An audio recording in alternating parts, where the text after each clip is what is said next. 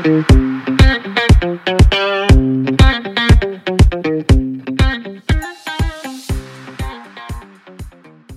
svima, ja sam Martina Đokić, a vi slušate podcast Mentalni nudista. Nalazimo se u epizodi 29, sezone 3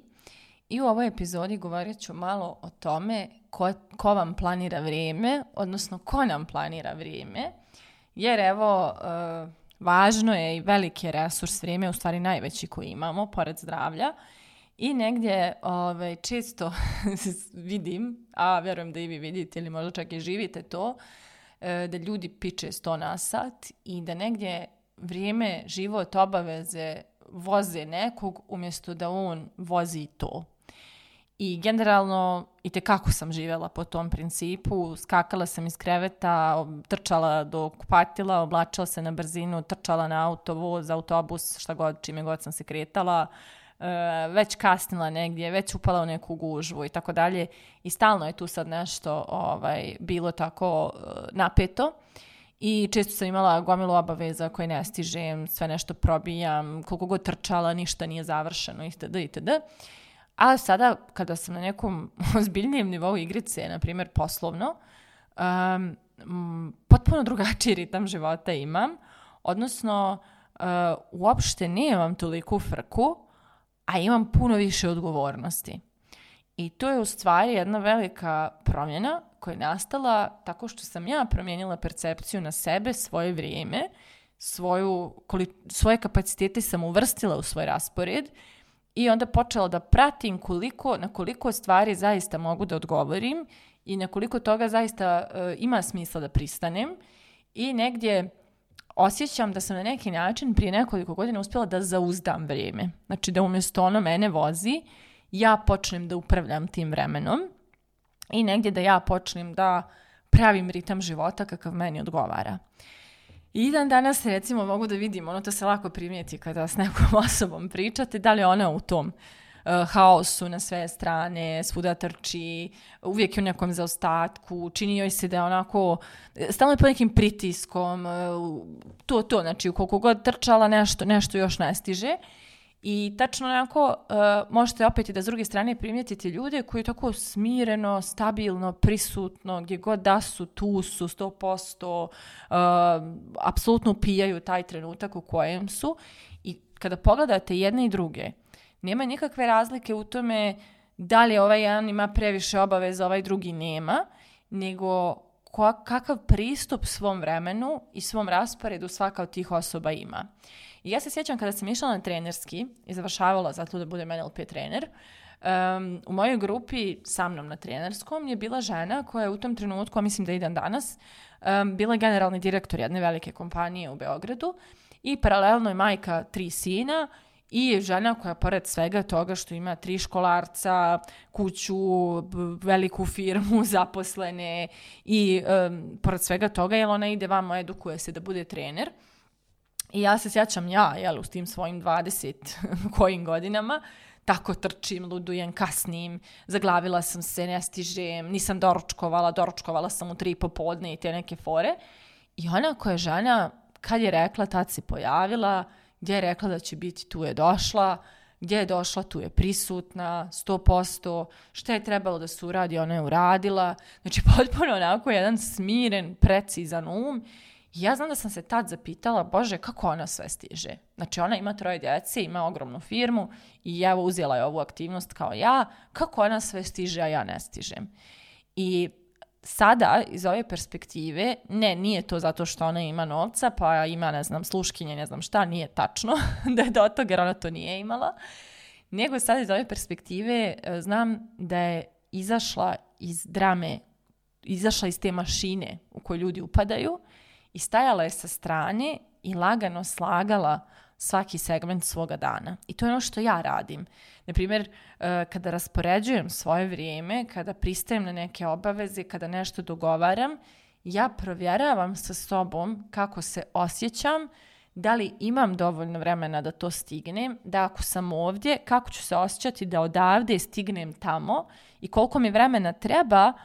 da ja taj prelazak iz jedne obaveze u drugu obavim u osjećaju mira, a ne u osjećaju frke, drame, panike, haosa i svega ostalog. I sada baš dodatak na moj raspored i na moje upravljanje vremenom jeste moja, moje vrijeme, moj, moje stanje, jeli, moja procjena mog emocionalnog stanja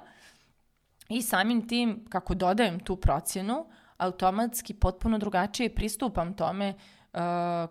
zaš, kako vrijeme raspoređujem i zašto koliko vremena odvajam. Također, jedna od velikih promjena u upravljanju vremenom jeste jutarnja rutina. Ja se u to kunem, ja to potpisujem i ne, nije, ne treba da ustajete u pet, ne tvrdim to, ja ne ustajem u pet, ali negdje početak dana je nešto što postavlja ritam danu. I isto to se sjećam kada sam ja bila u tom periodu, tako trčim, jurim na sve strane, svuda kastim i to. Uh, bila sam asistent na NLP edukaciji i dolazila je moja drugarica iz Banja Luke kod mene u Beograd jer je išla na, u toj grupi je bila na NLP-u i um, sjećam se ona je spavala kod mene i ako mi treba da krenemo u 8.15 ona je ustajala u pola sedam, sedam, tako nešto. I onda bi tako lagano mazala neke kreme, pila neku kafu, sjedla u bademantilu, čitala knjigu, doručkovala, dok sam ja spavala. A ja sam ustajala u 8, jeli, ako krećemo u 8 i 15, ja ustajem u 8 i onda ja tako jurim, trčim, umivam se na brzinu, ne stižem da se našminkam, nerviram se šta ću da obučem jer um, nisam dobro to isplanirala, pa mi je ovo popeglano, ovo nije popeglano i tako, znači haos totalni. I onda deli dođem na tu neku obavezu, u tom slučaju evo, to je bila asistencija. I onda sam gladna u nekom trenutku, nisam stigla da jedem, pa pregladnim, pa posle jedem kasno, pa me zaboli stomak. I tako sva sam, mislim, cijela moja energija je prosto poremećena, jel? Nisam apsolutno ja zauzdala taj dan, pobrinula se za svoje potrebe i kreirala dan koji je dobar prema meni, nego sam ja tako već u sprintu počela taj dan, rušeći svoje potrebe od starta. I kada sam vidjela kod nje s kakvim mirom ona ulazi u dan, znala sam da je trenutak i za moju promjenu i e, počela sam polako i ja da mijenjam rutinu i da pravim sistem da ujutru ustanem ja prvo zadovoljim sve svoje potrebe. Znači, to jedem, istuširam se, uh, meditiram, mislim, kako kad, nekad šetam, nekad meditiram, nekad nešto čitkuljam, sve zavisi, znači, kako mi dođe, ali jutro mora biti mirno. Ne smije biti frka, ne smije biti drama, ne smije biti panika. I ako sad neko ovo sluša, ako ima troje, četvoro, petoro djece i u fazonu i možeš ti to da pričaš, ti nemaš djecu, poznajem puno ljudi koji ih imaju,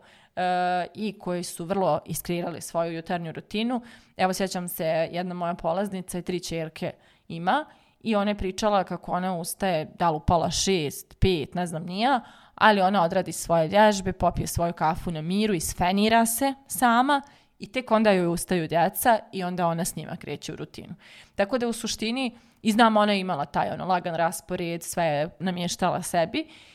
I to je to, znači ili vi upravljate vremenom ili ona upravlja vama. Ali negdje početak dana često zna da podesi ritam tog dana i ako smo proklizali već sa prvom obavezom, ostatak dana smo u frci. I uh, vaš treba vremena da se zaustavi taj, to kašnjenje koje, s kojim počne, ta frka s kojim počne dan. A ako počnemo dan iz nekog mira, iz nekog stabilizujemo sebe prvo, jeli, damo sebi poruku, je, sad prvo su mi važne tvoje potrebe, prvo mi je važno kako si ti, prvo mi je važno jesi gladna, jesi žedna, jel ti se pije kafa, jel ti se rade vježbe, znači prvo mi je to najvažnije, pa kad sebe namirimo, onda krećemo tako resursni, nahranjeni, iznjegovani, krećemo, fokusirani, jeli, krećemo u ostatak dana, e onda taj dan ima potpuno neko drugo značenje i potpuno neku drugu energiju. I Isto to, znači ja na primjer radim coachinge i uh, znam gomilu ljudi koji rade ono po principu sat za sat. Znači um, jedan coaching mi je od 10 do 11, sljedeći od 11 do 12, kod mene to nema, kod mene je po sat vremena pauza između. Zato što uh, prosto to, znači zašto bih uh, trpala klijenta za klijentom i kod svakog žurim i između nemam uopšte taj moment preslaganja, kao sa jednim klijentom sam završila, ušla sam u neku emociju, energiju te teme i onda mi ide pauza da se ja malo odmorim, izađem iz te teme, popijem vode, odem do WC-a, prosto pobrinem se za svoje ono, fiziološke potrebe, istegnem se, sjedla sam za sto, na stolici, pa onda nakon sat vremena prelazim u narednu priču sa narednim klijentom i onda udubljujem se u to i onda mogu da dam svoju punu prisutnost, mogu da dam svoju tačnost, mogu da dam svoj fokus, jer je moj raspored laganiji. Ukoliko osjećate da vam je raspored pretrpan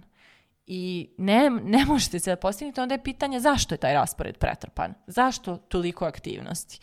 I uh, sad opet ako neko kaže ali ja puno radim, dobro, pa opet ima neki drugi posao. znači u drugoj nekoj firmi sa lakšim radnim vremenom ili jednostavnim ritmom. Znači sve može da se promijeni. Prosto ne postoji neki segment života koji nas drži u mašini, a da nije do nas da li ćemo mi sad da se tome posvetimo, da to izmijenimo. Ono što svakako jeste istina je da um,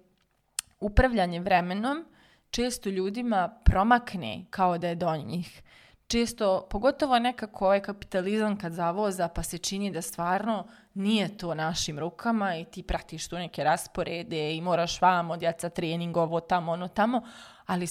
e, sve te iste obaveze mogu da se obave s potpuno drugom energijom koja dolazi iz tog mira jer mi upravljamo tim obavezama, jer smo mi namireni. Ali ono što se dešava je da često mi ne namirimo sebe, a upadamo u gomilu obaveza i samim tim tako polovični, polupani, nenamireni, pa to i gladni i kakvi god, uh, uh, uletli smo u gomilu nekih odgovornosti. Prvo nismo fiziološki dobro, znači to prvo, pa onda mentalno. Pa kako onda s takvim stanjem uopšte upravljati svojim danom i svojim vremenom, kad to, nismo se pobrinuli za sebe, a hoćemo se pobrinimo i za klijente i za djecu i za svašta nešto drugo. Tako da, eto, to je, da kažem, neka tajna ukroćivanja ili kako kažem zauzdavanja vremena da ga podesimo po sebi. A podesimo ga tako što od ujutru se podesimo po sebi, po svojim potrebama, a onda krenemo dalje ostatak dana iz tog stanja upravljajući i ostatkom tog vremena. Mislim, svakom se desi ovo i meni dan danas klizne vrijeme, nekad nešto u, izmakne mi, poremeti se, zakasnim, pogotovo kad sam u Beogradu, to je onako baš česta pojava, ali, ovaj, ali nije često, mislim, ja gdje sam rekla da ću budem tu ću dođem, doći ću poprilično mirna, stabilna, pripremljena za to, Um, često gdje ćete me vidjeti da sam došla sva zadihana, uzburkana, haotična i kao ono, ne znam jesam pošla ili sam došla, kao to, ono, to odavno nije nekako dio mog života. Tako da, ovaj, ali radila sam na tome, kažem. Bila sam ovaj jedan arhetip, sad sam promijenila to i sad ja upravljam svojim vremenom tako da to vrijeme služi pre svega meni i mom dobrom stanju, a onda i svemu ostalom što je moja odgovornost da obavim. Tako da moje pitanje za kraj ove epizode je da li vi upravljate svojim vremenom i namještate ga tako da vi budete namireni dobro ili ste u mašini i vozi vas i ne pita kako ste. Mislite o tome, a mi se družimo u narednoj epizodi.